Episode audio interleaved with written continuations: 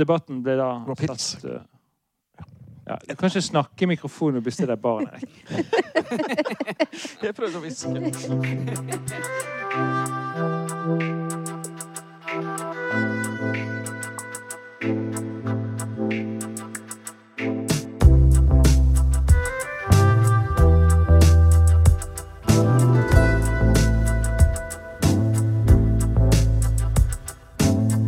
man leser Amtmannens døtre eller Stormfulle høyder og tenker at dette var gammelt og kjedelig og tamme saker, så er man dårligere stilt. Men jeg, jeg likte det alvoret som kom inn der, da. Nesbø har jeg aldri lest, riktignok, men um, Lene Andersson ble jeg nylig lurt til å lese. Og er mer positiv nå enn noen gang. Og så er da diskusjonen i gang. Alltid ufullkommen, alltid mangelfull, men alltid verdt å føre. Ja, Velkommen til en ny utgave av eh, Hagesalongen her fra Amalies hage på Bergen offentlige bibliotek. Mitt navn er Erlend Lisberg, og med meg har jeg eh, den eh, fryktede kritiker og professor Erik Bjerke Hagen. Lenge siden sist, Erik. Ja, det er det. Du, du var indisponert i høst. Ja, Det var jo liksom en tanke på at jeg skulle ferdigstille en doktorgrad, men det tror ikke vi skal snakke så mye om. Eh, Men vi var, har jo faktisk vært eh, sånn halvveis tilbake ved at vi hadde en sånn festivalspesial på Litteraturhuset. For 14 dager siden, bare. Ja. ja, ja. Så eh, noen har kanskje sett oss der også. Den podkasten kommer for øvrig like over vinterferien. Det var en flying start. Ja uh, Wilbecks pornofilm. Vi må kanskje oppdatere deg på den, eh, Erik, du som uh, har interesse for slikt. Den er visstnok i rettssystemet. Det er uklart om den blir klar til premieren 11. mars. Eh, Ingen kommentarer. Uh, vi har masse på programmet i dag. Uh, først får vi besøk av en av den litterære offentlighetens skarpeste polemikere, nemlig Grete Fatima Sayed. M- Og med hun skal vi da snakke om hennes siste artikkel om kvinneforakt hos Dag Solstad. Som, eh, som er et brennbart tema. Og så skal vi litt, spørre hun litt om eh, det å gå i krigen for sine eh, litterære favorittforfattere. Så skal vi innom kanon og kanonforvirring i forbindelse med debatten det, om, om det nye Nasjonalmuseet, som har gått i Klassekampen. Da får vi besøk av Kristoffer Jo Larsen, som vi også skal ha med oss videre til å diskutere det som nettopp sprang ut av denne kanondiskusjonen, som sikkert de fleste har fått med seg. Nemlig disputten knyttet til Helge, nei, Helge Krog, Christian Krogs eh, Leif Eriksson-maleri. Og så må vi jo det føre oss inn eh, i en diskusjon av disse nye sensitivitetslesningene av Roald Dahl og selveste James Bond. Da kommer jo Ju Larsen eh, særlig godt med, siden han er både kunstkritiker og barnebokforsker. Uklart om han er en James Bond-fan. Det får vi se på. Eh, Men vi, eh, først må vi kanskje snakke litt om hva som har skjedd siden sist.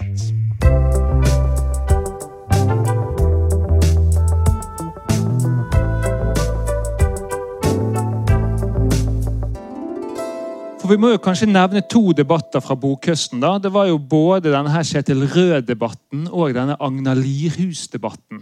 Det har alltid hatt lyst til å ha en sånn debatt oppkalt etter meg sjøl.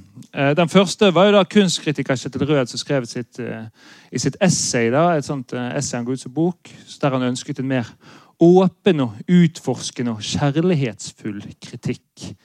Heller enn at kritikeren skal være så opptatt av å felle dommer og og kanskje til og med noen ganger drive nærmest, eh, voldelig, voldelig eh, omgang overfor forfatterne da, i skriftform. Har du tenkt å begynne å skrive med mer kjærlighet? Det, Erik? Jeg trodde, jeg trodde jeg gjorde det hele tiden. Med kjærlighet til litteraturen og til leserne og alt. Men, men øh, nei, altså, det, dette er vel en sånn ikke- ikke-debatt. For, for det er mange veldig gode, arrogante og brutale kritikere, og det er mange som ikke er det. Som er det motsatte. Som er innfølende og sympatiske. Noen er De fleste er vel midt imellom et sted.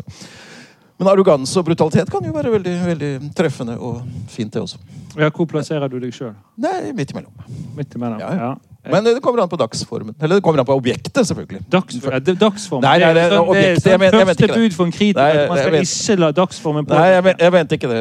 Jeg trekker det tilbake. Ja, du er avslørt. Den andre debatten var jo denne her Agnar Lirhus-debatten. da. Så Agnar Lirhus, en forfatter som gikk ut og mente at Kritikerne og avisene løp forlagenes ærend ved at bøkene som ble utvalgt til anmeldelse, i veldig stor grad sammenfalt med og kanskje til og med bli styrt av forlagenes kommersielle interesser og disse bokrådene de har sammen med bokhandlerne.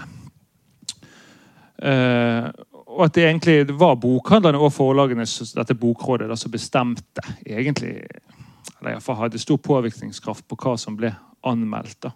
Og da i neste omgang hvilke forfatterskap som, eh, som oppleves som viktige i kulturen. Fikk du noe ut av eh, den debatten? Ja, nei, ikke så mye. Men, eh, men, det er klart at han hadde jo rett i at uh, avisene konsentrerer seg om de samme ofte sånn mellomlitterære forfattere. De, de, som de åtte-ti kjente det året. Som allerede er kjent fra før. Og som, som er sånn alminnelig populære. Ja, sant? Men, men hvis man skriver gode bøker i Norge nå, så tror jeg man ganske fort blir oppdaget da, et eller annet sted. I Morgenbladet eller Klassekampen eller den type. Ja, så du er enig med din eh, sjef, eh, bokansvarlig i Morgenbladet, Bernhard Ellefsen, som mente at det ikke fantes noen uoppdagede mesterverk i norsk litteratur? Nei, det kan jo godt hende. Det, det kan godt hende det er noe som har gått helt under radaren. Det, det, vet vi jo ikke. Det kan dukke opp om ti år, det. Og så har det vært en eller annen skikkelig forbigåelse. Men, men folk er jo veldig interessert da, i, i litteraturredaksjonene og kritikerne er jo interessert i å, i å finne det, det, det, det, uvante. Men altså, han, han, nevnte jo noen navn. som Maja Lunde, Agnes Ravatn, Mathias Fallbakken, Jo Nesbø. Jo, jo, jo. De er kjente. De er kjent fra før, og da får de mye oppmerksomhet fordi de er kjent fra før. Det er, ja. det, er vel det vanlige Matteus-prinsippet som virker i de fleste sammenhenger. Ja, men du er ikke enig om at det var kjendiserifokus? Eh, som Lyrus gjorde så upopulær ved å hevde. Jo, jo. Det, det, det, er det som er mellomforfatterne. De, de, de, de, flyter på popularitet og kvalitet i en sånn passe blanding. Ja, Mellomforfattere, hva er det for noe? Ja, Det er de som er uh, salgbare sånn, og passe seriøse. Ja. Men ikke veldig seriøse. hva, hva, hva, er, hva er, Og så er, er det høyt og lavt, da? Ja, så Under der så er det det lave. Det er kiosklitteraturen. Og over der så er det, liksom den ambisiøse, uh, sortkledde litteraturen. Da, som ofte er kjedelig. ikke sant? Og da er den jo mislykket. Og da er det ingen som bryr seg om den. Men, det, men det er liksom der. Det nye skjer da. Ja, Nevn tre eksempler. På den høye.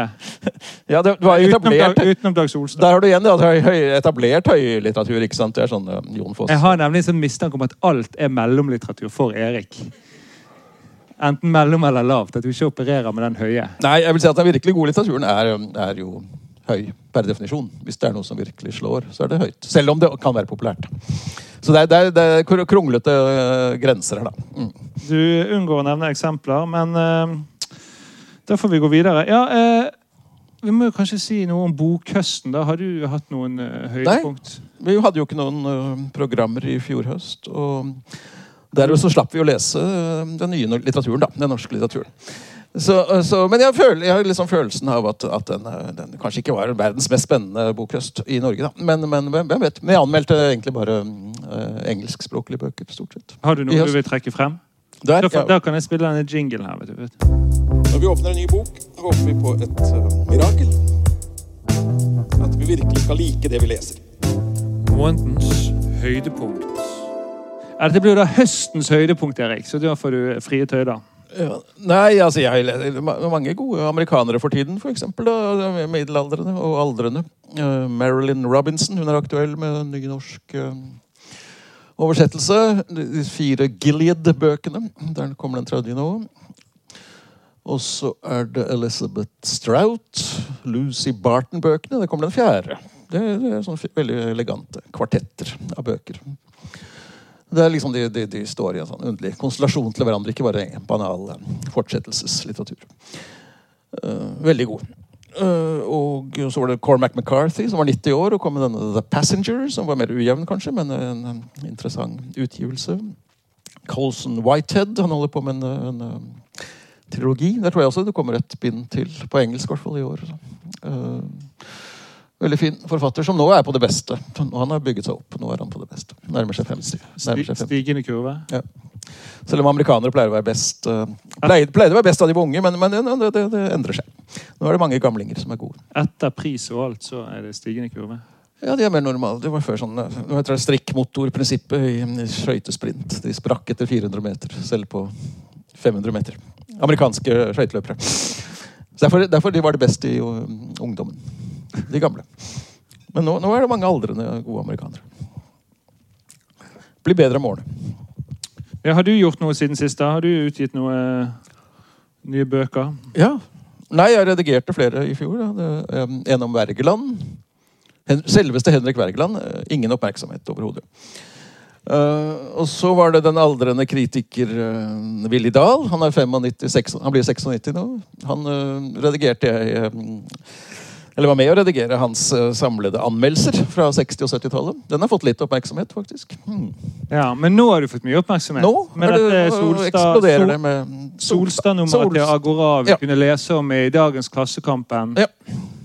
Og da eh, passer det kanskje å invitere opp vår første gjest, hvis vi skal snakke litt mer om det. Ja, Nemlig. Grete Fatima Syed.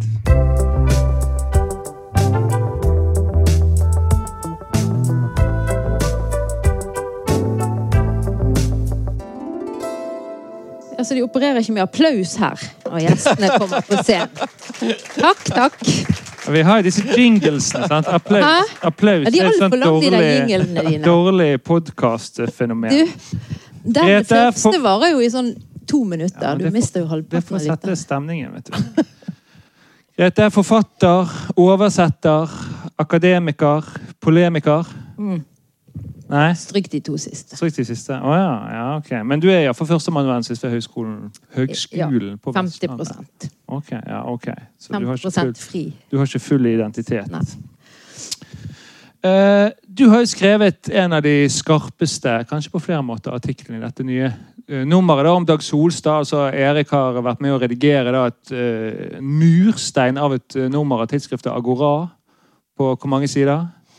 Over 600, men 400, 400 bare om Solstad. Ja, bare 400 om Solstad. Eh, eh, som, eh, som gjør nedslag i nesten hele forfatterskapet.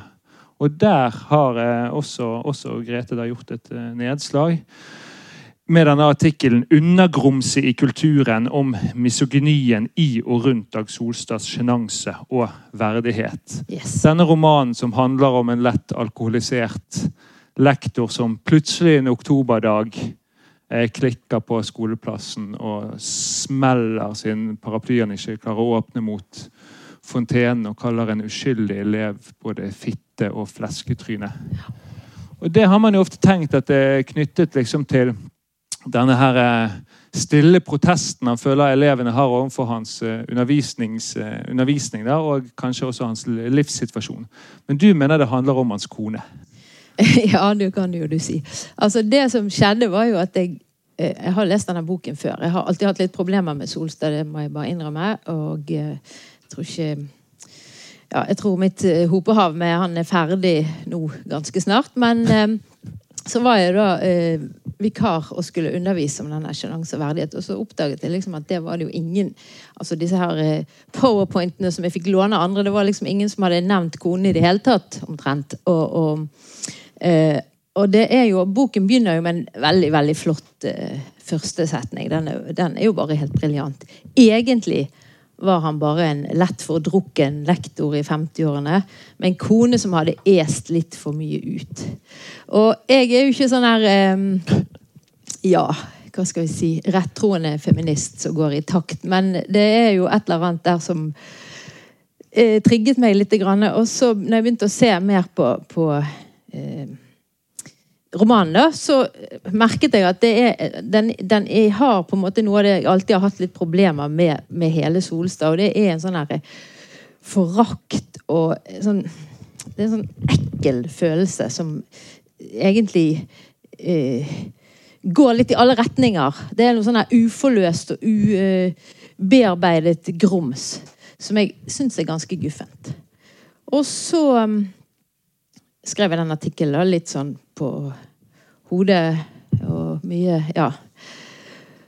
Og nå er den kommet ut, og mm, jeg er jo litt sånn bekymret, for det. jeg syns jo ikke det er så pent verken at jeg liksom beskylder eh, vår største forfatter for ikke å være så fryktelig god, men for liksom å ha iscenesatt sin egen posisjon og bygd seg sjøl opp med noen sånne her, kanskje bevisste, kanskje ubevisste strategier.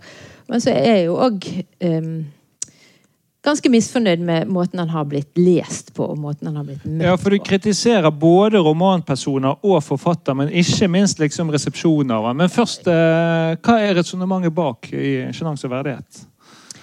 At den er misogyn? Ja. Nei, altså, det er jo det, det er jo dette her eh, forholdet han har til konen sin. sant? Og det er konen Eller det er egentlig flere ting. Jeg orker egentlig ikke. Du vet hvordan det er når du skal lese ting du har skrevet sjøl. Det er ganske det er ganske kjedelig. Men eh, jeg har nå sett på det, da. Der eh, mursteinen. Jeg kommer ikke til å lese så mange av de andre artiklene, men jeg har nå sett på hva jeg sjøl har skrevet. Det er mm, Det er sånn kvinnehat som på handlingen tilspisser seg jo akkurat den høsten når konen har begynt å eh, ta en utdannelse. Og det er jo liksom sånn, På 70-tallet var det alle skilsmisse- og frigjøringsromaner og sånn handlet om. og Det var at kvinnene skulle ut og få en utdannelse, og, og da var det liksom truet Det, det truet det hjemmets lune fred og, og ekteskap og den patriarkalske orden og hele pakken.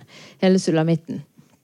Så det er nå på en måte ett poeng, da. At, eh, at det som utløser raseriet til Elias Rukla, og det er jo på en måte helt sånn rett. Altså det er litt sånn infantilt, på en måte. da. Han bare bryter jo helt sammen og, og går ut av skolen og, og sier at nå kan han aldri mer sette beina på, sine, på sin tidligere arbeidsplass.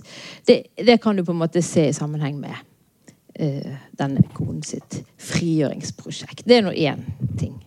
ja, men det er jo liksom romanpersonen. Men hvordan får du det da til å liksom handle om eh, man, man har jo, opererer gjerne med et skille mellom eh, romanperson og forfatter. da. Det er helt sant. Nei, men det skillet har jo Solstad gjort veldig mye for å gjøre så tynt og usynlig som mulig. sant? Han vimser jo liksom inn og ut av, av sine egne romaner, og i intervju og så forkludrer han det der støtt og stadig. Uh, og, eh, og det gjør han jo òg i i sjenanse og verdighet. sant? Altså han, han er på en måte ikke Elias Rukla, men samtidig så ligner han veldig på mange måter. Og så gjør jo også Elias Rukla den her berømmelige Ibsen-lesingen, der han, der han eh, eh, For det er det han liksom holder på med denne dagen på skolen. da, etter at De har, de har vel sånn fire Ibsen-stykker i denne klassen, og så har de én roman av Kielland, og én av Garborg, en av av Jonas Jeg vet ikke hva det er, men det er bare liksom den skoleklassen der er bare ikke hentet fra norsk skole. Men det er noe så. Men ja, så han bryter det litt ned der også, for han lar han doktor Relling gå inn og ut av Ibsen sitt stykke. Altså å være inne i stykket og å være ute i Ibsen sin virkelighet. Og det blir jo den parallelt til at Elias Rukla liksom både inne i sjenanseverdighet og utenfor romanen. Uh, og så er det jo litt interessant, for han sier at Han sier jo i den Ibsen-lesingen Han kaller doktor Relling i Villand både for Ibsen sitt talerør, altså en som er på parti med Ibsen, og for Ibsen sin antagonist, altså fiende. Det syns jeg jo egentlig er litt interessant, for det kan jo hende at Elias Rukla kan ses sånn òg i forhold til Solstad. Men det har jeg ikke skrevet om. Nei, men Det kan ikke være at han bare stiller ut liksom denne her eh, kvinne, kvinnehatet, da, eller denne personen. Både gjennom eh, karakteren sin, eller pe- romanpersonen han lager, og, eh, og fortelleren, som du Ja, du- også ser noen eh, tendenser hos. Ja, men Da skulle jo noen ha sagt det fra 1994, når romanen kom ut, og til 2023.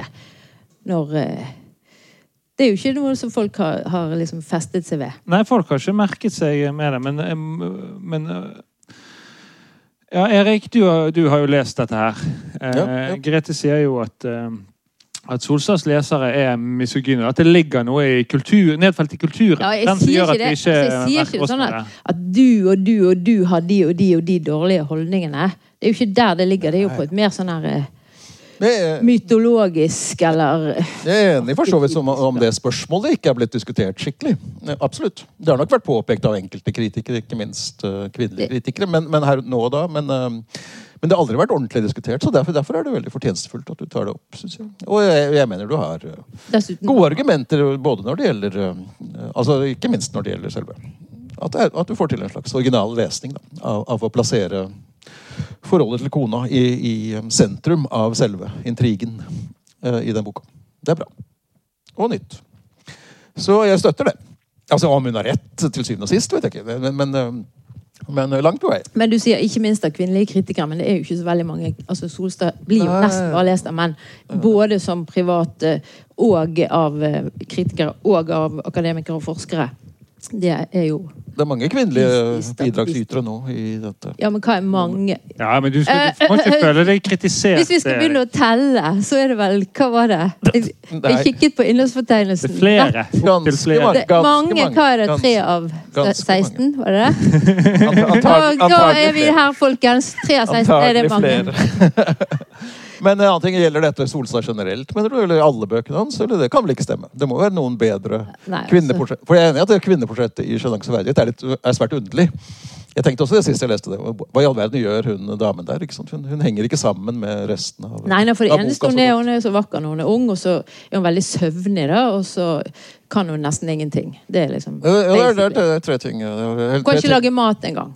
Først er Hun kanskje ikke skifte bleier på ungen. Den ubeskrivelig vakre, det sies 50 ganger først. Og så er det hun har est litt for mye ut. Det Ja, ja. sies 50 ganger etter hvert. Og så er det hun sover. Og så sover hun. Ja, Men hva hun, gjør i, hva hun gjør i romanen, er, er litt godt fulgt. Nei, hun gjør ikke noe bortsett fra at jeg unner henne av alt mitt hjerte at hun har begynt på kommunal- og sosialhøgskolen. Og der får hun være med alle de gøye unge studentene, og det, hun kommer til å få det kjempefint. Men, men det var én Du ting. heier på henne. Du heier på henne. Ja, ja, ja, selvfølgelig. motsetning til Ja, skal du si en ting først, eller kan jeg? Ja, men jeg må bare Skal vi se. Det var det med 3 av 16, og så hva var det du sa etter det?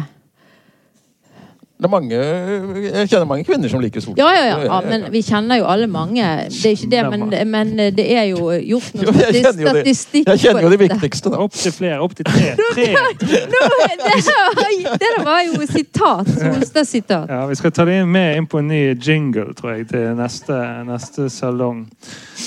Eh, men Men altså, jeg er egentlig ikke så int- For du spurte om det gjaldt flere. Ja. Og jeg må jo innrømme at jeg er ikke så interessert i Solstad. Fordi at jeg tenker han har holdt på med sitt og fått så mye oppmerksomhet og priser og åtgaum som man kan ønske seg. Og det er fint, men eh, jeg eh, han, nei, Jeg husker veldig godt når jeg var ung og skulle Dette kommer i Klassekampen i morgen, dere. For det der. Jeg har nemlig hatt hjemme hos-besøk i dag av klasse, en fotograf fra Klassekampen. Det har jeg aldri hatt før. Men, men har, du, har du kommet til denne erkjennelsen gradvis, eller har Nei, du alltid, alltid hatt den? Ja. Jeg husker da jeg var ung, og det å kjøpe en bok det var ikke noe som du gjorde hver dag. Det var liksom ganske så sjelden. Jeg har et veldig klart minne av at jeg står på busstoppet og har kjøpt, først kjøpte jeg den der eh, gymnaslærer Pedersen, og så kjøpte jeg faktisk også Roman 87 når den kom. Og fordi at jeg når først leste gymnaslærer Pedersen og kjente at dette er jo ikke en bok som er interessert i meg i det hele tatt. Denne boken har jo absolutt ingen velkomst eller innbydelse eller åpning for at for hva jeg måtte mene. Dette er jo bare en bok som vil ture frem. og sånn og sånn. Men så gjorde jeg altså, så derfor, siden jeg var ung og usikker, så tenkte jeg at hm, enten er det meg det er noe feil med, eller så er det boken. Og siden det er Solstad, så er det sikkert meg. Og så gjorde jeg det samme med roman 87 og hadde akkurat samme opplevelsen. Så etter det så klarte jeg ikke å lese noe Solstad før han begynte å skrive de der tynne bøkene på 90-tallet. De, de går i hvert fall an å lese. Og dette er jo 40 år siden denne gymnaslæreren kom, ja. Så du har vært lenge.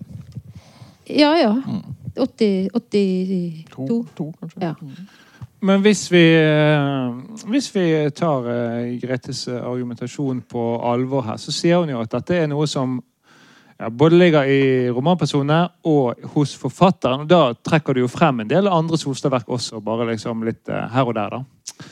Og så mener du at det at ingen har pekt på det i kulturen, viser at vi har en tilbøyelighet til å akseptere det, eller ikke merke oss det. Er det riktig?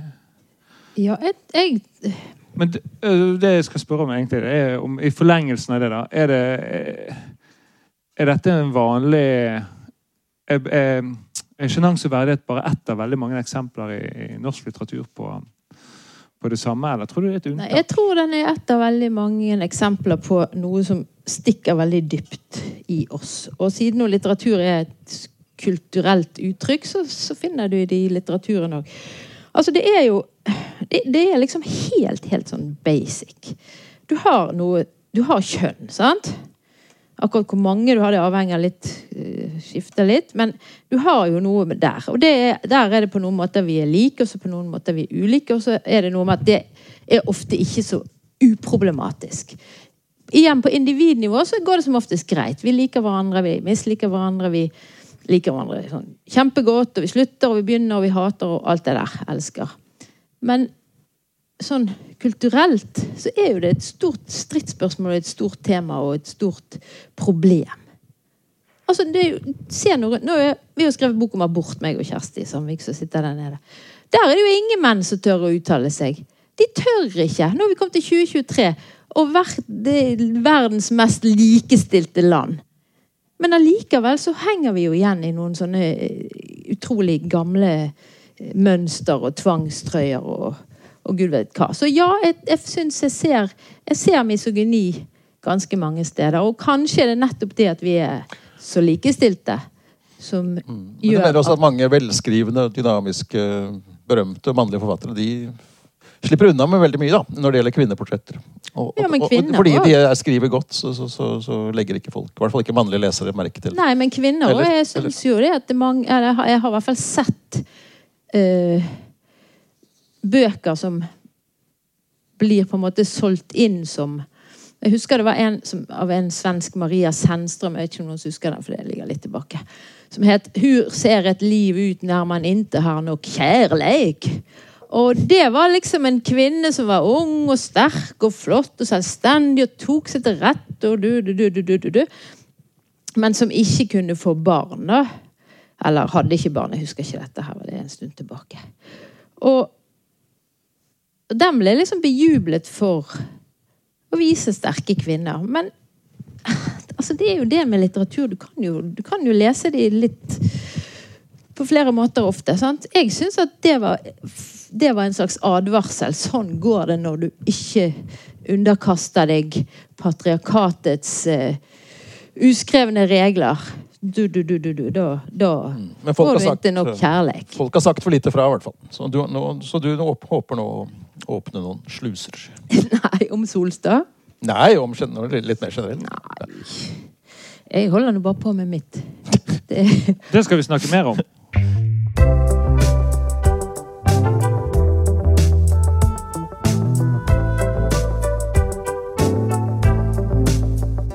For nå kommer du med en ny bok, der du samler dine utfall mot uh, Kreti og pleti. Kreti og pleti. Ja. Hva, ja. Nei, jeg, hva er det du kommer med nå? Jeg har bare samlet bare. Jeg har samlet noen tidligere utgitte essay og artikler. Og da måtte jeg eh, søke i dag, når jeg satt og skulle forberede meg litt her, så søkte jeg i det dokumentet på misogyni, blant annet. da. Og eh, jeg ser jo at jeg eh, har ikke vært så grådig opptatt av det, men jeg ser jo at jeg har eh, nevnt det, blant annet i forbindelse med den berømmelige metoo-saken som vi hadde hvis noen husker så langt tilbake, så var jo det en ganske stor sak. Som også kan leses litt som på den måten. Der sier man at kvinner de er passive ofre som det er veldig synd på, og som er veldig svake og ikke kan forsvare seg. Og menn de er aktive og sterke overgripere som er slemme og eh, eh, Ja. Så jeg tenker jo at det var en misogyni i metoo-saken Ja. Jeg tenker jo mest på uh, disse her mannlige kritikerne du har gått i klinsj med tidligere. Det er jo blant annet ikke første gang du har vært i klinsj med Dag Solstad. Han, for, og der tenker jeg at Ja. uh, du, har, du har jo noen du, du er forsvarer for, da. Og det er særlig Olof Duun og Torbjørn Nedrås. Torbjørn Nedrås. Torbjørg, herregud. Torbjørn. Dette, det, dette, dette stammer faktisk fra en, en, en eh, min, eh, At jeg har etterlignet min venn som eh, eh, politimann som skulle på utrykning i Torbjørg Nedregårds gate. Um, men det er ikke første gang du var i, i, i gå, til, gå til angrep, da, eller eh, motangrep på Dag Solstad. For du også forsvarte Ja. du den gang. Men det var noe Det var ikke min feil. Det var jo Han var jo helt ute på det der Dun-foredraget sitt. Altså Det var helt pinlig. Det var på Nasjonalbiblioteket. Det var en sånn serie som de hadde satt i gang. Fortidens folkelesning. Der de inviterte prominente folk til å holde foredrag om litt sånne glemte forfattere. da. Og eh, Solstad holdt på i to ganger 45 minutter. Første 45 minuttene, og dette fikk han 50 000 for, det er ganske bra, vil jeg si. I hvert fall var det i 2015. Første 45 minuttene så bare hadde han sakset fra kritikker som hauset Dun opp i samtiden, for liksom å bygge opp så flott Dun var. Og så i pausen, da, da var jeg var noen sånne Dun-folk fra og fra Gjøa der som Dun kom fra. Og de skulle bort og invitere Solstad til å komme på neste Dun-stevne. Og hun der Trine Skei Grande var der, og det, god dag, god dag, og sånn og sånn. og så sier de ja, vil du komme på Gjøa og holde foredrag på neste Dun-stevne? Og så bare kommer det tørt fra Solstad. Ja, da må dere vente til jeg er ferdig. Og da skjønte vi jo hva vei dette bar. For de neste 45 minuttene så eh, kom han liksom ut av sekken da, med noe helt utrolig slappe lesinger som ikke engang var lesinger. Det var nesten bare sånn handlingsreferat fra Dun sine, sine Juvik-folket. da.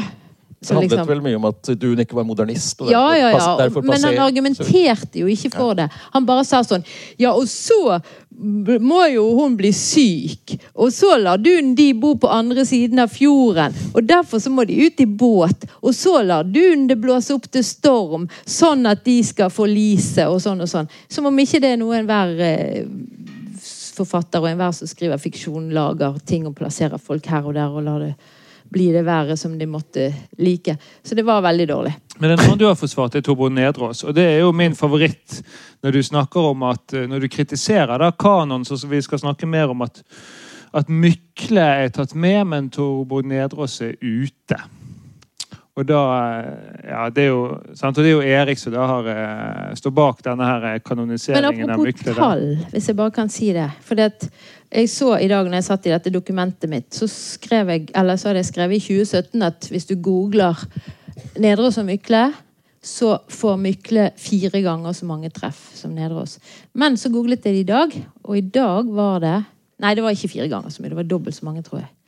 Men i dag var det mye mer utjevnet. Ja, I dag fordi, hadde Nedreås Nedrås nesten 30 000 treff, og Mykle hadde litt over 40 000. Det er fordi du har startet Nedreås-selskapet? Ja, ikke helt alene, da. Nei, nei, nei. Men, eh, ja. Men det er jo bra. Det hjelper, det. Hvis forfatterne er gode, så hjelper det. Ja. Mm. Hvis de er dårlige, så hjelper det ikke. Eller. Men Mykle er jo også en sånn forfatter som er interessant og, Jo da, men hans, og- men eh, hans kurve er nok ned. Den er nok nedadgående. Ja, men det var én ting Grete trakk frem som jeg hang meg opp i. Og det var denne her, eh, dine, dine oppvurderinger av Mykles sexskildringer, Erik. Det kan det det skriver du det Det skriver ikke du- huske. Nei, da må du Det lese i boken skriver du mange steder i boken, at han er den beste på sexskildringer. Og da tok Grete noen eksempler der hun skriver sånn der eh, at hun Stjerner brast og sånn. Vindrypp, vin, vindryppende sjø. Nei, nei, nei. Og Jo, jo, jo.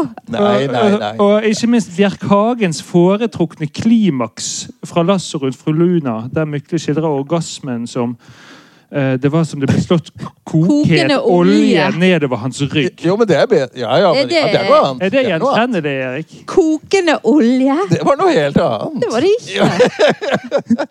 Jeg vil ikke ha det andre på, på, på min kappe. Nei, det- De, de første tingene du sa. Nei, det er jo Mykle, da. Stjerner brast og noe greier. Ja, men det var jo ikke jeg- noe jeg Nei, men du sier at han er god på å beskrive sex. Ærlig talt. det, her, det her må vi faktisk ha et eget tema om senere, tror jeg. Ja, nei, det, det er helt Kokende olje, det er jeg med på. Men, men olje? Ja. Det er bedre enn noe Ne- Nederås har skrevet i den gaten. Det er, eh, har han tatt medisinen sin i dag, eller? eh, det er uklart. Men du er Ja. mer fan av en annen gang eh, Grete forsvarte Nederås, Erik. Så du bruker i din undervisning, til og med. Ja, det, har vært, det var jo en debatt i Morgenbladet som utspilte seg for to, tre år siden, kanskje. Det begynte med et foredrag av Toril Moi om, eh, om Nederås, som hun ikke hadde lest før, tror jeg. Men om denne 'Måneskinn gror det ingenting'. Da. Og så var det flere emeriti, emeriterte professorer som protesterte. Og så kom det en eh, svar og debatt, så ganske bra. Og så er det alle snakket forbi hverandre, som vanlig i sånne debatter. Men, eh, men, men brukbart, da. Eh, og og, og Moi ville demonstrere en slags personlig lesning. En som hadde liksom relevans for hennes eget Eller sprang ut av hennes eget liv og egne erfaringer. Og så videre, og det syns andre var en, en ikke-litteraturvitenskapelig metode Og så videre, og så videre. Men den som da satte skapet på plass til slutt, det var Grete Dam. Som, som, eh, som eh, liksom leste Satte fingeren på de viktigste, viktigste spørsmålene i denne romanen. Slik jeg ser det. Ser det. Så jeg syns du skar, skar gjennom godt i den debatten. Ja, vi, har, vi, har, ikke tid eh, faktisk til mer, til mer Nei, Jeg ser vi må komme oss videre, faktisk. Uh, vi har vært inne på kanon, og da passer det kanskje å invitere opp vår neste gjest til mer kanondebatt. Uh -huh. Oi, han er med vinflaske i posen sin.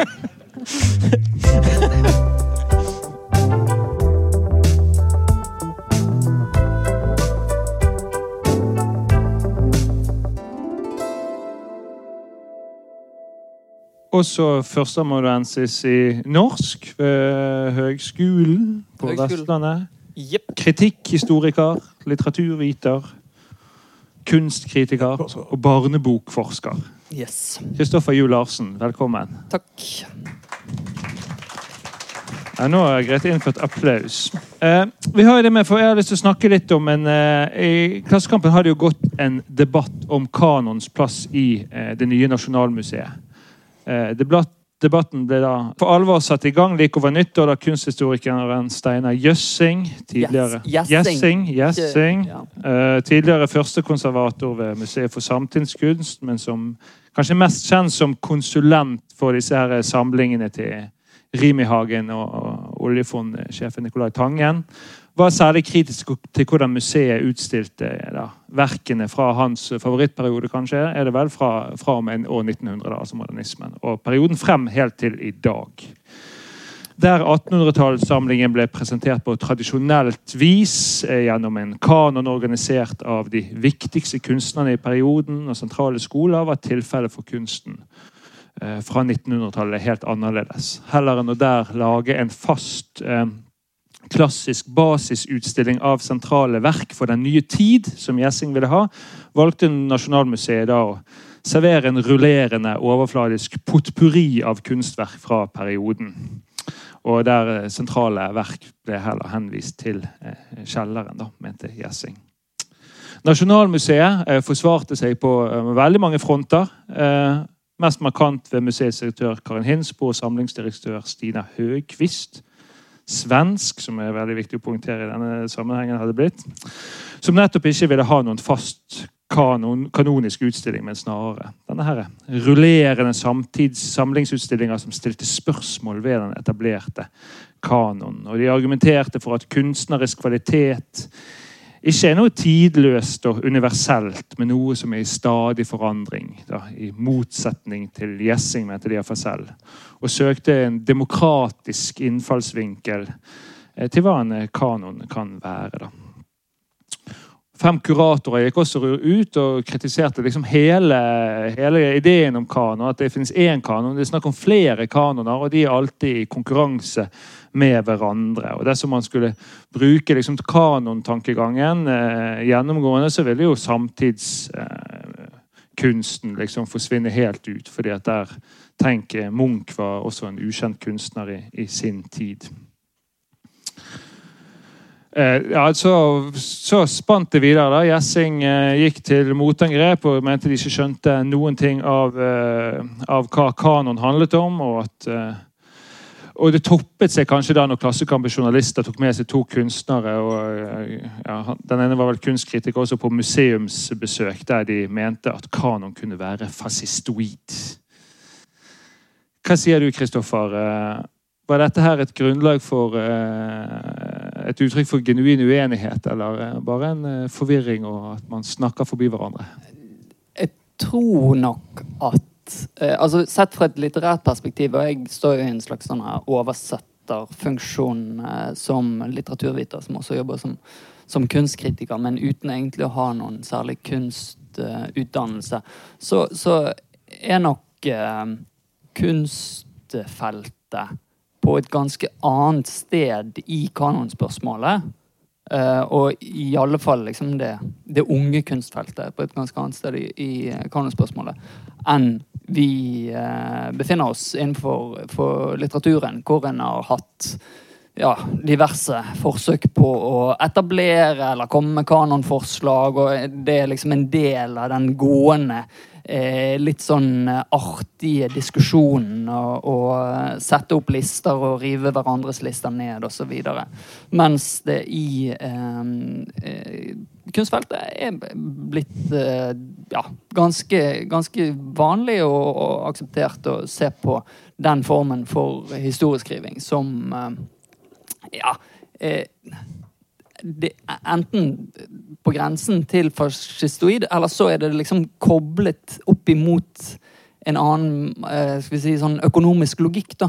For har, kunst og litteratur fungerer på på så ulike måter når det kommer til eh, markedsmekanismer, hvem det er som kontrollerer markedet. Altså, litteratur er et masseprodukt. Kunst er i helt sånn grunnleggende enormt elitistisk. Sant? Fordi du har bare det, det ene objektet osv. Så, videre. så det, det, er en, rekke ting der som, som spiller inn. Mm. Og, og, spørsmålet om forholdet til ja, for nasjon, da, som jo eh, dukker opp i, i nasjon, Nasjonalmuseet-diskusjonen, er også mye mer eh, ja, Nasjonsbegrepet blir blitt mye mer giftig innenfor eh, kunstinstitusjon enn det er i, eh, på litteraturfeltet, hvor vi jo har den koblingen til språket. Mm. Og dermed til nasjonen på en helt annen måte. Ja, og, og det forholdet at, at 1800-tallslitteraturen var så prog politisk progressiv ikke sant, i Norge. Ja. Også, ja, men, ved, ved, å være nasjonal. Men jeg vil begynne et annet sted. Eh, Erik, du er jo, identifiserer deg jo som en slags norsk Harold Bloom. Hva er, hva er, hva er kanon, hvis du skal liksom forklare det enkelt?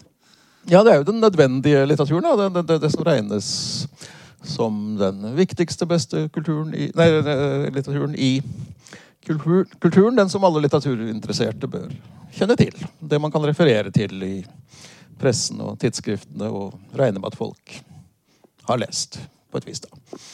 Og som er normen eller, eller idealet andre skal strekke seg til. Og Man, så man kan ikke da, Det stopper omtrent for 100 år siden. Man kan ikke egentlig snakke om kanon etter uh, eh, 1920-tallet. Eller Undset Hamsun Dun er på en måte de siste kanoniserte romanforfatterne, kanskje. da. De har, de har liksom etablert man, ja, fordi de har etablert seg som, som uh, ja, ikke... De har levd i 100 år, og det er jo den beste måten å måle kvalitet på. At det overlever.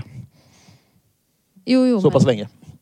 Ja, men Er kanon eh, en foranderlig størrelse? Ja, selvfølgelig. Ja. Ja, og forfatten, Det er jo ikke alt Hamsun og Undset skrev som, som er, er, kanonisk kvalitet heller. ikke sant? Det gjelder heller ikke Ibsen eller Shakespeare, for den saks skyld. Det er det beste av det de skrev. Men, og, men, det, men, det, men det, altså, de, de, de, ulike forfattere kan jo, kan jo diskuteres, og, og, de kan trekkes ned eller, eller rehabiliteres. og det, det, er i bevegelse hele tiden, det også. Også den klassiske kanoen. Men enda, jo nærmere vår egen tid vi kommer, jo mer debatt er det selvfølgelig. Og folk kan gå av moten, og de kan komme tilbake på moten osv. Det er avhengig av kritikerne og leserne i stor grad. også. Er det det samme på kunstfeltet? Kristoffer?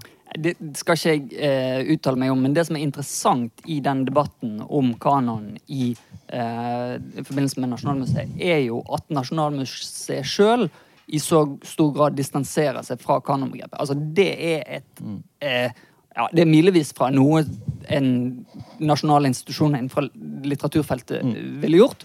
Og selv om vi, de har jo ikke på litteraturfeltet så har ikke vi det samme behovet for å, for å gjøre det. sant? Altså fordi museet, museet er en avgrenset arena. sant? Så kanon blir jo på en måte definert av det som befinner seg i museet. sant? Altså, dette er favoritteksempelet mitt på liksom, hva er kritikk. Jo, den grunnleggende kritiske eh, handlingen, det var det de, det de gjorde i eh, Museion i Alexandria. Sant? Altså De vurderte skal vi ta vare på denne, eller skal vi ikke. Sånn? Ja, nei. Det vi ikke tar vare på, det, det er ikke, i hvert fall ikke kanonisert. Sant? Og det, det, som vises frem innenfor eh, eh samlingsutstillingen til Nasjonalmuseet, det må man jo regne med tilhører kanon. Så når eh, museet da sier at vi opererer ikke med et kanonbegrep, og det er helt i tråd med liksom, det Karin Hinsbo sa som uh, ung, uh, sånn progressiv uh, kunstaktivist på, på 90-tallet i, i, Danmark. Men som hun egentlig har latt ligge altså Hun var ikke så progressiv når hun var på, på Kode, f.eks. Men det har virkelig liksom kommet frem nå på Nasjonalmuseet, der de sier at nei, vi, vi forholder oss ikke til kanonen. Det er veldig Det er veldig interessant. Jeg er nok litt enig med de som sier at det er kanskje en form for ansvarsfraskrivelse. Men samtidig så må en jo se på ja, hva er det de faktisk gjør. De sier at de vil operere med en slags skiftende utstilling, og det gjør de. De tar til seg innspill. Og, altså, utstillingen den, den, er jo ikke gammel, men den er, den er i bevegelse. Det, det verk skiftes ut, og de, de, kommer eh, med nye verk som men, uh, men selv, hele tiden selv, skaper et nytt bilde av det. Men selv Gjessing mente jo at 1800-tallet var bra dekket i det nye museet. Ja, Han sa vel at, at de ikke de, de, gjorde omtrent det samme som det de tidligere museumslederne hadde gjort. At det ikke er noe Det, det er ingenting nytt her, da. Men det er jo Altså, du har jo en kanon på mange måter, selv om du ikke bruker det der kanonbegrepet. For der har du litt rett at Erik er en slags Harold Bloom. For det var jo ikke vanlig Jeg sa ikke at han var en Harold Bloom, men han identifiserte seg som ja, ja, en, ja, ja, whatever. Men eh, sant, for det, det, det, var jo ikke så mye brukt Det var eh, blant annet hun Toril Steinfeld ble bedt om å ta ut ordet av en eller annen publikasjon som hun skulle ha. Jeg husker ikke hva det var, men det var på 90-tallet. Fordi at dette ville ikke Ordet ville ikke publikum forstå. Sant? Så det er jo noe med at vi har blitt helt ekstremt eh, opptatt av å diskutere det. Og det er jo kanskje det mest interessante. Det er jo ikke de der listene som står nå der, men, men, eh, men hva prosesser som, som skjer hva, når folk kommer inn og ut av kanon. Og, og det der eh, Jeg tenker jo mest av alt er det makt... Og det er jo på en måte resultatet av både angrepet på de institusjonene som har definisjonsmakt, som har kommet gjennom liksom en sånn kritisk Eh, kunstsosiologisk eh, bevissthet, men også da av svaret. sant? Altså, uh, Harold Bloom svarer jo på et angrep. Han forsvarer kanon fordi at noen vil rive kanon ned. Mm. sant? Og, og, den ja, Innenfor litteraturfeltet så har jo på en måte Bloom-skolen, selv om Bloom sjøl kanskje ikke identifiseres, men iallfall i en norsk sammenheng, vunnet frem. sant? Det er de som har hegemoni det, det, er de som driver og gir ut bøker og, og, får masse oppmerksomhet om det. Eh, de som går til angrep på ideen om en eh, norsk kanon i dag, har ikke særlig vind i seil på litteraturfeltet. Nei, egentlig ikke. Det er ikke noe hev, de hevngjerrige skole, eller hva som, eh, Ja, men, men denne ideen om at det er flere kanoner, da. Det, det, er noe som ble løftet frem både fra vel, jeg lurer på om det var Høgquist og disse fem kuratorene. At det er ikke én kunsthistorie, men det er flere kunsthistorier. Ja. Og at det er ikke én kanon, men det er mange kanoner. Jo, men det er jo det med kvinnelitteraturhistorien, f.eks. Liksom feministene på 70-tallet de gjorde jo veldig mye for å endre kanon når det gjaldt kvinnerepresentasjon osv. Men spørsmålet er da ville de ha kvinnene inn i den allerede eksisterende mannlige kanonen? Hovedsakelig mannlig kanon. Eller ville de lage en alternativ? Da? Og de fleste tenderte, tenderte vel mot å velge det første. Inkludering i det eksisterende utvidelse. Ja, så, ikke alternativ. Og så har kunstfeltet det forholdet at de har et større, større mediemangfold. Altså, I litteraturen så, ja, vi kan jo selvfølgelig snakke om de ulike eh, ulike sjangrene. Sant? Og at, at romansjangeren er liksom førende i dag, og at uh, lyrikken uh, blir, blir underkjent osv. Men, men uh, altså, det gir jo mye større mening å snakke om en fotografisk kanon, f.eks. Som, som Gjessing påpeker at blir lite representert representert osv. Ja, men jeg tror ikke det var det de mente. da. Jeg tror det var at, uh, at uh, ulike grupper kan ha sin egen kanon, eller ulike Jo, jo det er jo ekstrem relativism. relativisme. Estetisk relativisme. Ja, og, men der, der, kommer jo dette her demokratiske perspektivet som de forsøker å uh, de, de, vil bygge en demokratisk institusjon da, og, og gi eh, Representere alle disse ulike stemmene. og det er jo uh, veldig sympatisk, uh, men jeg tror jo samtidig at det er ganske, ganske vanskelig og kan fort ende med å bli fryktelig utydelig. Da.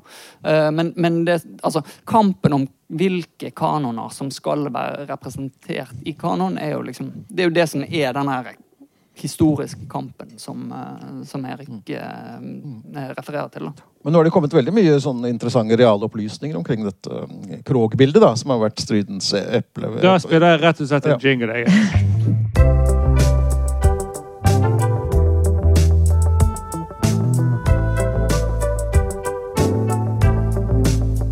For ut av denne kanondebatten så kom jo Stina Høgquist til å ytre en uttalelse som skulle få mer oppmerksomhet enn hun kunne ane. I et intervju med Aftenposten i forlengelsen av denne her, eh, debatten, da, eh, så tok jo da denne svenske samlingssjefen eh, igjen og forsvarte seg mot Gjessing og ga uttrykk for at Nasjonalmuseet ville ha et samfunnsrelevant, fresht blikk på kunsthistorien og utfordre den gamle standarden satt av hvite, mannlige kunstnere. Og så kom hun i skade for å gi et eksempel. Inngangspartiet til Nasjonalmuseet hang nå typisk det samiske storverket Pile O Sampi Supreme. Jeg vet ikke om det Sam. Eh, som problematiserer da tvangsslakting av eh, rein i Vest-Finnmark, i stor kontrast til hva som møtte oss tidligere i Nasjonalgalleriet. Christian Krogs maleri 'Leif Eriksson oppdager Amerika' fra da 1893. er vel.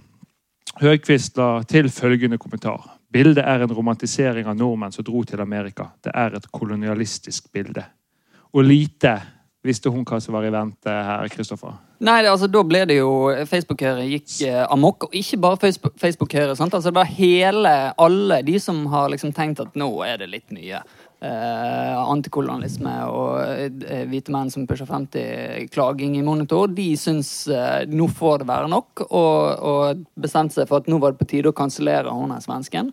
Motkansellering. Eh, og det, ble altså Mimar Kristiansson fisker i rørt vann, og det samme gjør Frp. og sånt. Ja, hele den greien der. Og så eh, viser det seg at eh, altså, Eller det som skjer først, er jo da at eh, pers Morsom personlig anekdote. Jeg overnattet hos eh, informasjonssjefen på Nasjonalmuseet frem til dagen eh, før det eh, intervjuet kom.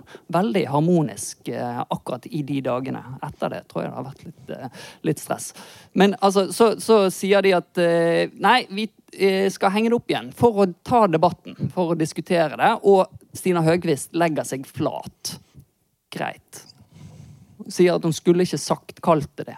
Men så viser det seg at ja, nei, det var jo kanskje litt kolonistisk likevel. For det var jo eh, skapt for en, helt sånn konkret amerikansk situasjon, altså verdensutstillingen i Chicago, og eh, ment for å fungere legitimerende for eh, nordiske innvandrere i USA som de beste innvandrerne, og de som har størst, størst måte, rett til å drive den kolonialiseringen av det kontinentet som eh, da hadde foregått eh, i, i det foregående eh, to århundrene.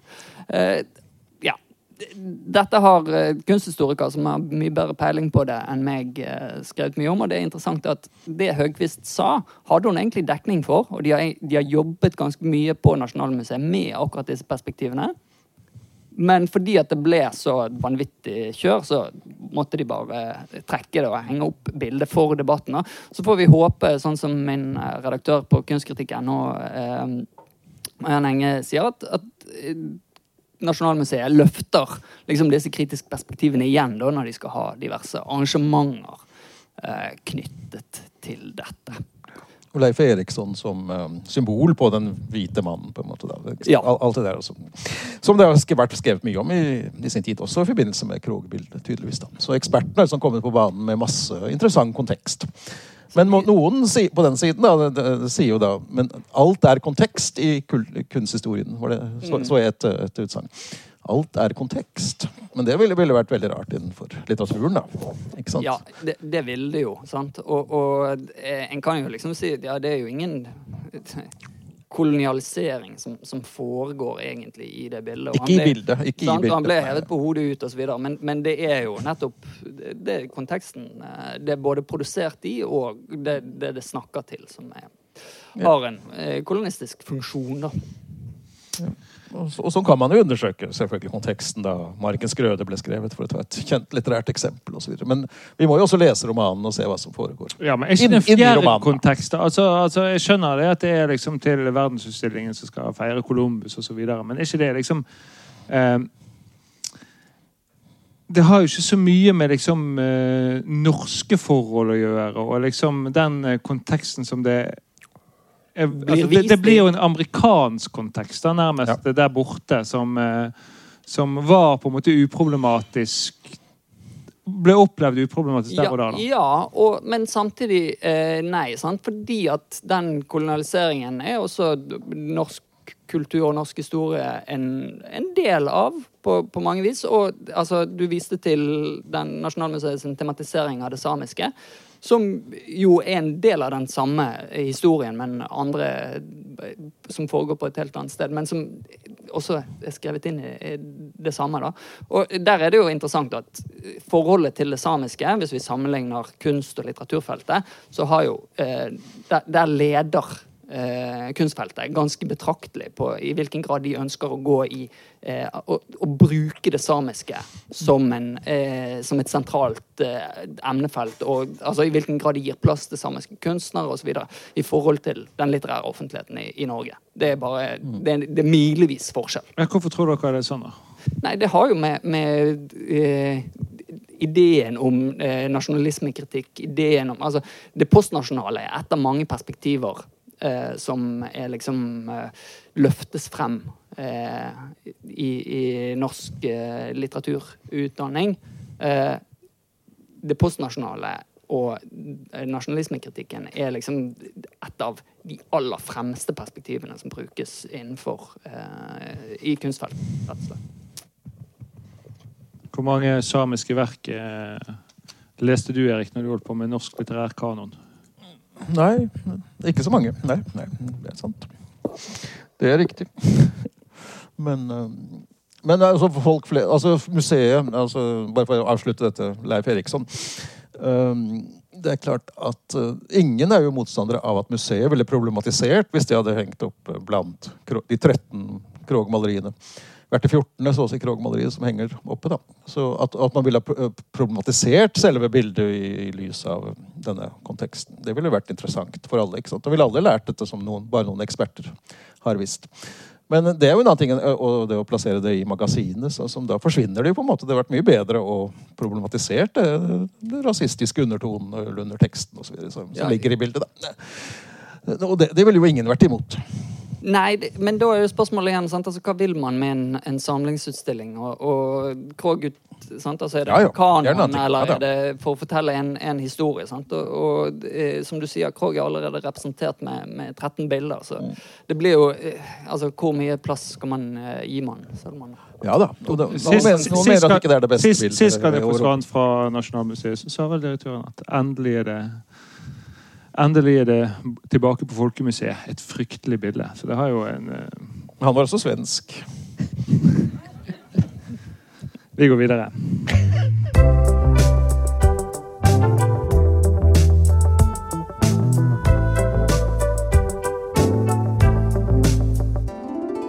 For samtidig eh, med debatten om Krogs Eriksson pågikk det, f- Ute pågikk for fullt forrige uke også. Altså, da kom denne her nyheten om at Roald Dahls bøker skulle renses for krenkende ord, da, som også er en slags eh, eh, toucher samme tematikk.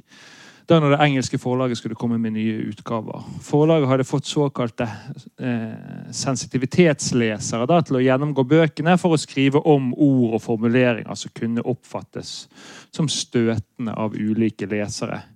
Karakteren August Gloop i Charlie og sjokoladefabrikken skulle nå ikke lenger kalles feit, men heller enorm. Fru Dust i Dustene skulle ikke lenger beskrives som stygg, men ekkel. Og Forlaget hadde også lagt til en del setninger og avsnitt for å tone ned problematiske ting. Da, slik som at heksen i, bo, i denne boken 'Heksene er skallet og bruker parykk'. Når det kommer frem, så er det lagt, satt inn en setning etterpå. Det er mange andre grunner til at kvinner kan bruke parykker, og det er absolutt ingenting galt ved det. Tilsvarende så står, det, så står det at en heks eh, kan gjerne være en kassedame eller en brevskriver for en eh, forretningsmann. eh, I det gamle der, men Nå heter det også at en heks kan også være en eh, topp scientist, toppforsker eller bedriftsleder. Grete, du har jo oversatt Roald Dahl tidligere. Hva tenker du om eh, disse her sensitivitetsendringene? Nei, altså jeg oversatte jo sammen med ungene mine den vemmelige vers som er Roald Dahl sine eventyrversjoner. Og jeg bladde jo gjennom, for jeg håpet så inderlig at det var et eller annet som noen kunne føle seg trakket på tærne av. Men jeg, jeg fant ingenting.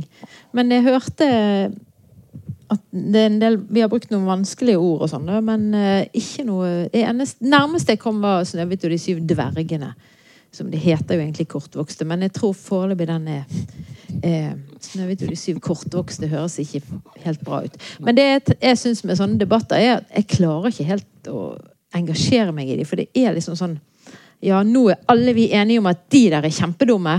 Og så er alle vi enige om at de der er kjempe, kjempe, kjempedumme.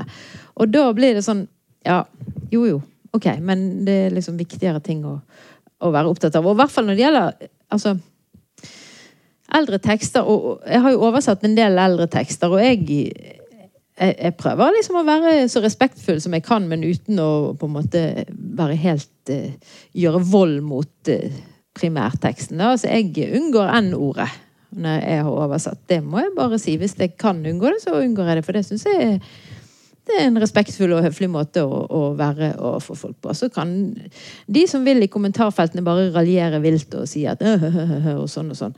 Men um, det er liksom Du må på en måte ta hvert enkelt tilfelle for seg hvis du skal gi det en skikkelig behandling. Og da er det lett å, å latterliggjøre de her greiene, men, men uh, Akkurat det ordet har jo egentlig skiftet helt betydning i vår levetid. Kan man jo nesten si. Jo, jo, altså det er jo et ord som er mer et signal enn et ord, egentlig. sant? Men, eh, men bare jeg holder på med Gene Reece nå, på, allerede på første siden i, i den um, uh, Voyage in the Dark, så er det jo både den uh, ene versjonen av NO og den andre versjonen av NO. Jeg har ingen problemer med å la være å bruke det. Men derfra til å, å, disse her komiske greiene er jo et ganske langt skritt. Men eh, jeg syns ikke det er så interessant, det får være helt ærlig. Nei, hva tenker du, Kristoffer? Nei, altså det, det er fryktelig mye å si. Altså, det, det, ene er jo at eh, det er ikke første gangen Råldal eh, revideres. Eh, altså, det finnes forsvunne kapitler fra Charlie Sjokoladefabrikken. Og, eh, Roald Dahl har blitt eh, så kritisert av bibliotekarer og foreldre opp gjennom historien. Altså Folk som virkelig syns det her er, er forferdelige greier. Sant? Fordi at det er så mye kritikk av voksne autoritetspersoner i disse bøkene. Eh, og det, det, burde vi ikke eh, utsette barna for, for de blir jo veldig forvirret av det. Og så videre, sant? Eh, likte jo ikke barn. Nei, det er også, sant. Eh, men altså og, mens, og det er ikke første gangen Roald Dahl ble kansellert. Altså, han, hans antisemittisme er liksom tilbakevendende fenomen. Og når du ser på arbeidet som en del av eh, redaktørene hans måtte gjøre for å få bl.a. teksten til å bli publiserbar, at ikke misogynien ble altfor tydelig. Hans forhold til i hvert fall den første konen var jo relativt forferdelig. Eh, så ser du at det er mye å ta av her. Liksom, eh, det er ikke så overraskende da at eh, Råldals bøker eh, blir utsatt for dette i dag. På den andre siden, hvem er det som står bak her? Sant? Altså, The, the Roald Dahl uh, Story Founded Nei, Story, Story Company er det. Det er de som står bak dette, sammen med, eh, med utgiverne av altså eh, forlaget. Men altså, hvem er det som eier, som har kjøpt rettighetene til hele Råldals forfatterskap? Det er Netflix. Sant? Som nå holder på med og skal gi ut uh, denne prequelen til uh, Charlie Sjokoladefabrikken. Wonka. Altså om hvordan Wonka ble den han ble. Uh, der deres interesse i å få gjennom denne prosessen for å gjøre ting salgbart og ikke kansellerbart. Altså problemene eh, som, eh, som J.K. Rowling og hele Harry Potter-industrien står i eh, i forbindelse med det, det, det, er klart at det er bare først og fremst bare penger som er, mm. er poenget i, denne reutgivelsen. Sant? Og nå får, vinner de, sant? for nå kan de både selge den eh, barnesikre versjonen og den klassikerversjonen som de da kan eh, eh, Som nå kommer med alle de, de fæle ordene i. Sant? Jeg glemte det beste eksempelet, er jo de her ompa-lompaene eh, i Charles Sjokoladefabrikken, som først startet som sånne her eh, svarte pygmeer som er funnet i, i jungel og, og sendt, til, eh, sendt, til, England i sånne her kasser med hull i.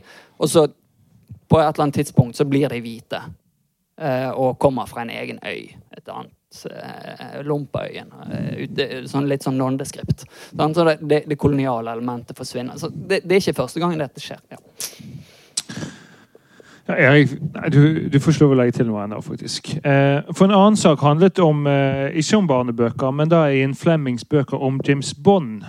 De skulle også renskes nå for krenkende språk. Og her var faktisk eksemplene kanskje enda rarere, da. For ikke bare skulle man fjerne ord som eh, neger men, eh, og en rekke andre beskrivelser av eh, etnisiteter. Men det hadde også gjort noen merkverdige valg på setningsnivå. Så hadde ett blitt sitert om og om igjen da dette eksempelet som ble brukt fra en av bøkene hvor Bond er på en strippeklubb i New York, der stemningen originalt ble beskrevet på følgende måte. Bond kunne høre publikum pese og grynte som griser ved trauet. Som nå var blitt endret til. Bong kunne føle den elektriske stemningen i rommet.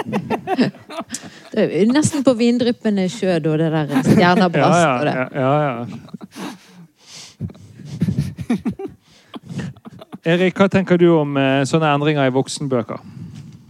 Nei, Det er det vel nesten ingen som er for. Og det var, ganske, det var jo mye bedre enn den første setningen. Det var ikke den ganske god til å være Jean Flemming. Jeg vet ikke hvor god skribent han egentlig var. men eh, alt i alt. Men, eh, men den burde vi jo Det må vi jo legge til med Dahl. Altså, noe av kvaliteten med Dahl er, hans, er jo hans evne til altså, perfide beskrivelser av eh, personene. Sant? Altså, de er stygge, og de er fæle, og alle disse tingene som du ikke har lov til å si. Det er jo kvaliteten med Dahl, og det er jo derfor alle som har lest den, reagerer sånn. Og det er jo samme med, med, med Flemming, at eh, denne her eh, ja, overlegenheten sant, som ligger i å kunne beskrive folk på den måten, den er, den er fæl, og den er nydelig å lese.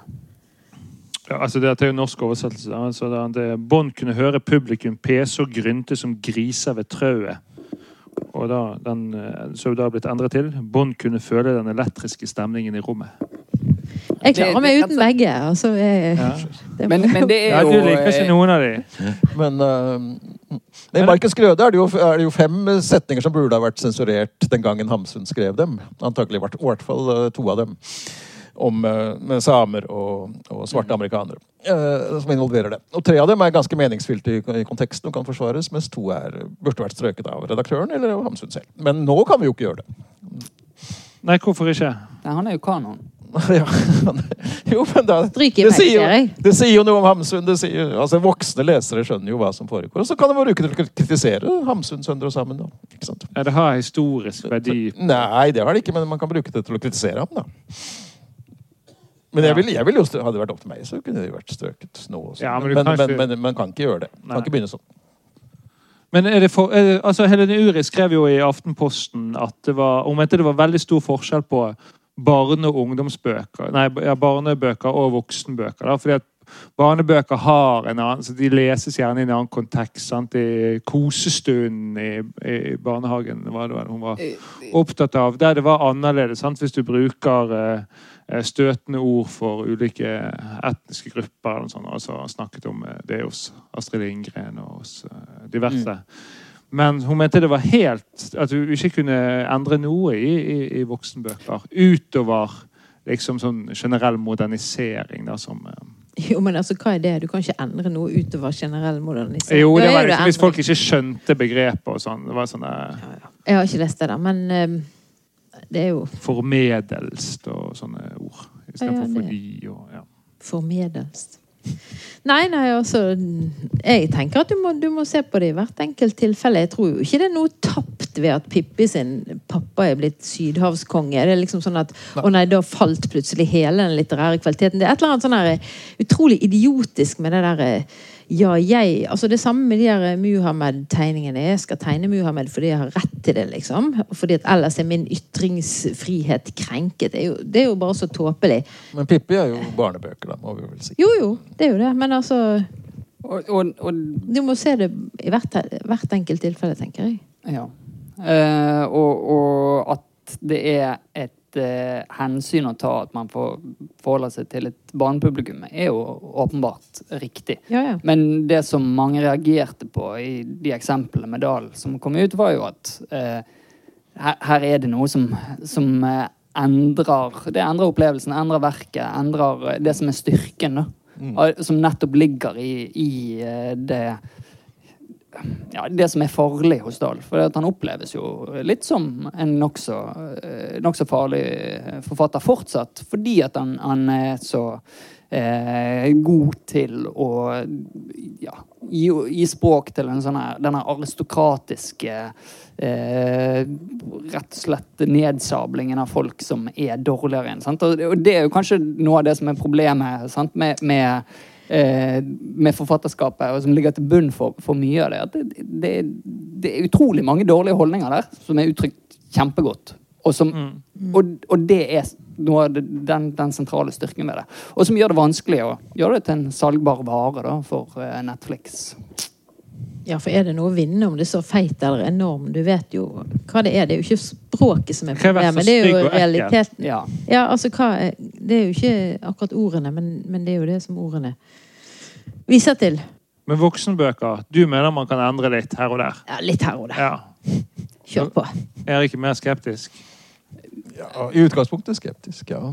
Altså, min, eh, Mitt utgangspunkt er eh, 50-80 hadde en sånn eh, sak med at en ny generasjon Da det kom en ny sånn Wall Street-film, oppfølgeren til Wall Street En ny generasjon BI-studenter får nå anledning til å misforstå poenget med Wall Street-filmen. For det er jo en, en åpenbar kritikk av kapitalismen som alle BI-studenter elsker, fordi at 'greed is good', sier Gordon Gekko. Altså, ja, verk kan misforstås uh, uansett. Så det der eh, Vi må la vi må bare la det slippe til. Det tenker jeg. Ja. Hvem slipper til? Verkene eller Verkene. sensitivitetsleserne? Eh, Sensitivitetsleserne Eller bare jeg, alle? Altså, det, det, det, det som er viktig, er å ta vare på styrkene i verkene. Sant? Altså Med en gang man gjør Å gjøre endringer det, er- jeg, jeg, jeg tror ikke på at verkene er hellige på den måten som eh, mange da har tatt til orde for. Eh, de her forfatterne som eh, tror at de kan eh, for, for, forhindre at, at historien skal gå sin gang, liksom. Eh, Men men det var jo mange som var ute. Det var jo litt sånn um, ja. Men man må jo ta vare på det stygge og det forferdelige også. Da. Ikke sant? Man skal ikke fjerne det. Det var jo feil. feil. Det skal være det stå der som stygt og forferdelig. ja. Men fra Hamsun eller hvem som helst. Ambjørnsen mente at hvite nigger den skulle hete hvite nigger. Den skulle faen ikke endres på. Ja. Men det, og det er nok et poeng også. Altså, den, den boken Det, det er et, et sentralt estetisk poeng at den heter faktisk det. Tror jeg. Og det som, som Grete sier, altså Det må Du gå er også mer ambivalent. Du fremstår mer ambivalent når Du sier liksom Ja, men det som, som hun sier, sant? Altså, det er på, hvert, hvert tilfelle må vurderes for seg. Ja. Og det Ja. Men det er det som, som eh, de store forlagene ikke kan gjøre. sant? De legger en, de legger en, en policy til grunn som er at eh, vi skal ikke kunne kanselleres. Mm. Sånn? Og, og hvis det er policyen, så da trår du feil. Eh, men hvis eh, tanken er at vi vil forsøke å, å holde dette kunstverket i live eh, ved å oppdatere det på en eller annen måte, så må man jo i hvert fall Så, så kan man prøve. Vi går videre til Eriks topp fem. Var den god? Hvordan var den god? Hvorfor var den god? Hvor mange fullkomne Ibsen-skuespill finnes det? Ikke så mange. Ja, det, det, er flott. det var flott. Det var flott. Men jeg, jeg, jeg, Ibsen som forfatter hadde i det hele tatt sine begrensninger. For ikke å snakke om Hamsun og Undset. Bjerk Hagens topp fem. Ja, Erik, hva har du til oss i dag? Nei, det måtte jo være um, norske menn som er gode på kvinner. Til å beskrive, beskrive kvinner, altså. Eh, jeg vurderte Ibsen, men han, jeg veide han og falt, fant ham for lett, da, så han kom ikke med på topp fem. Jeg måtte ha med en, eh, en eh, samtidsforfatter i stedet, fant jeg ut. Nemlig Per Petterson, som jeg tenker som er en litt sånn mannlig, macho, amerikansk forfatter. Men han er ganske, ganske god på å beskrive kvinner, Synes jeg. For eksempel moren i denne 'Jeg forbanner tiden selv' og i tidligere bøker. De første bøkene. Der altså moren spiller stor, en stor rolle. Og bestemoren og søsteren til hovedpersonen, Arvid Jansen, stort sett heter han i bøkene, som er et sånt alter, alter ego, da. Søster forsvinner jo. Han hadde jo ikke noen søstre i virkeligheten. Og så. Men uansett. Petterson, eh, kjempegod forfatter som er vel ja, Han er ikke så god når, når kvinnene skal fortelle. Da, da, han må fortelle det med, mann. Beskrive det med mannsstemme. For av og til så, så, så lar han kvinnene selv fortelle. Det går ikke bra.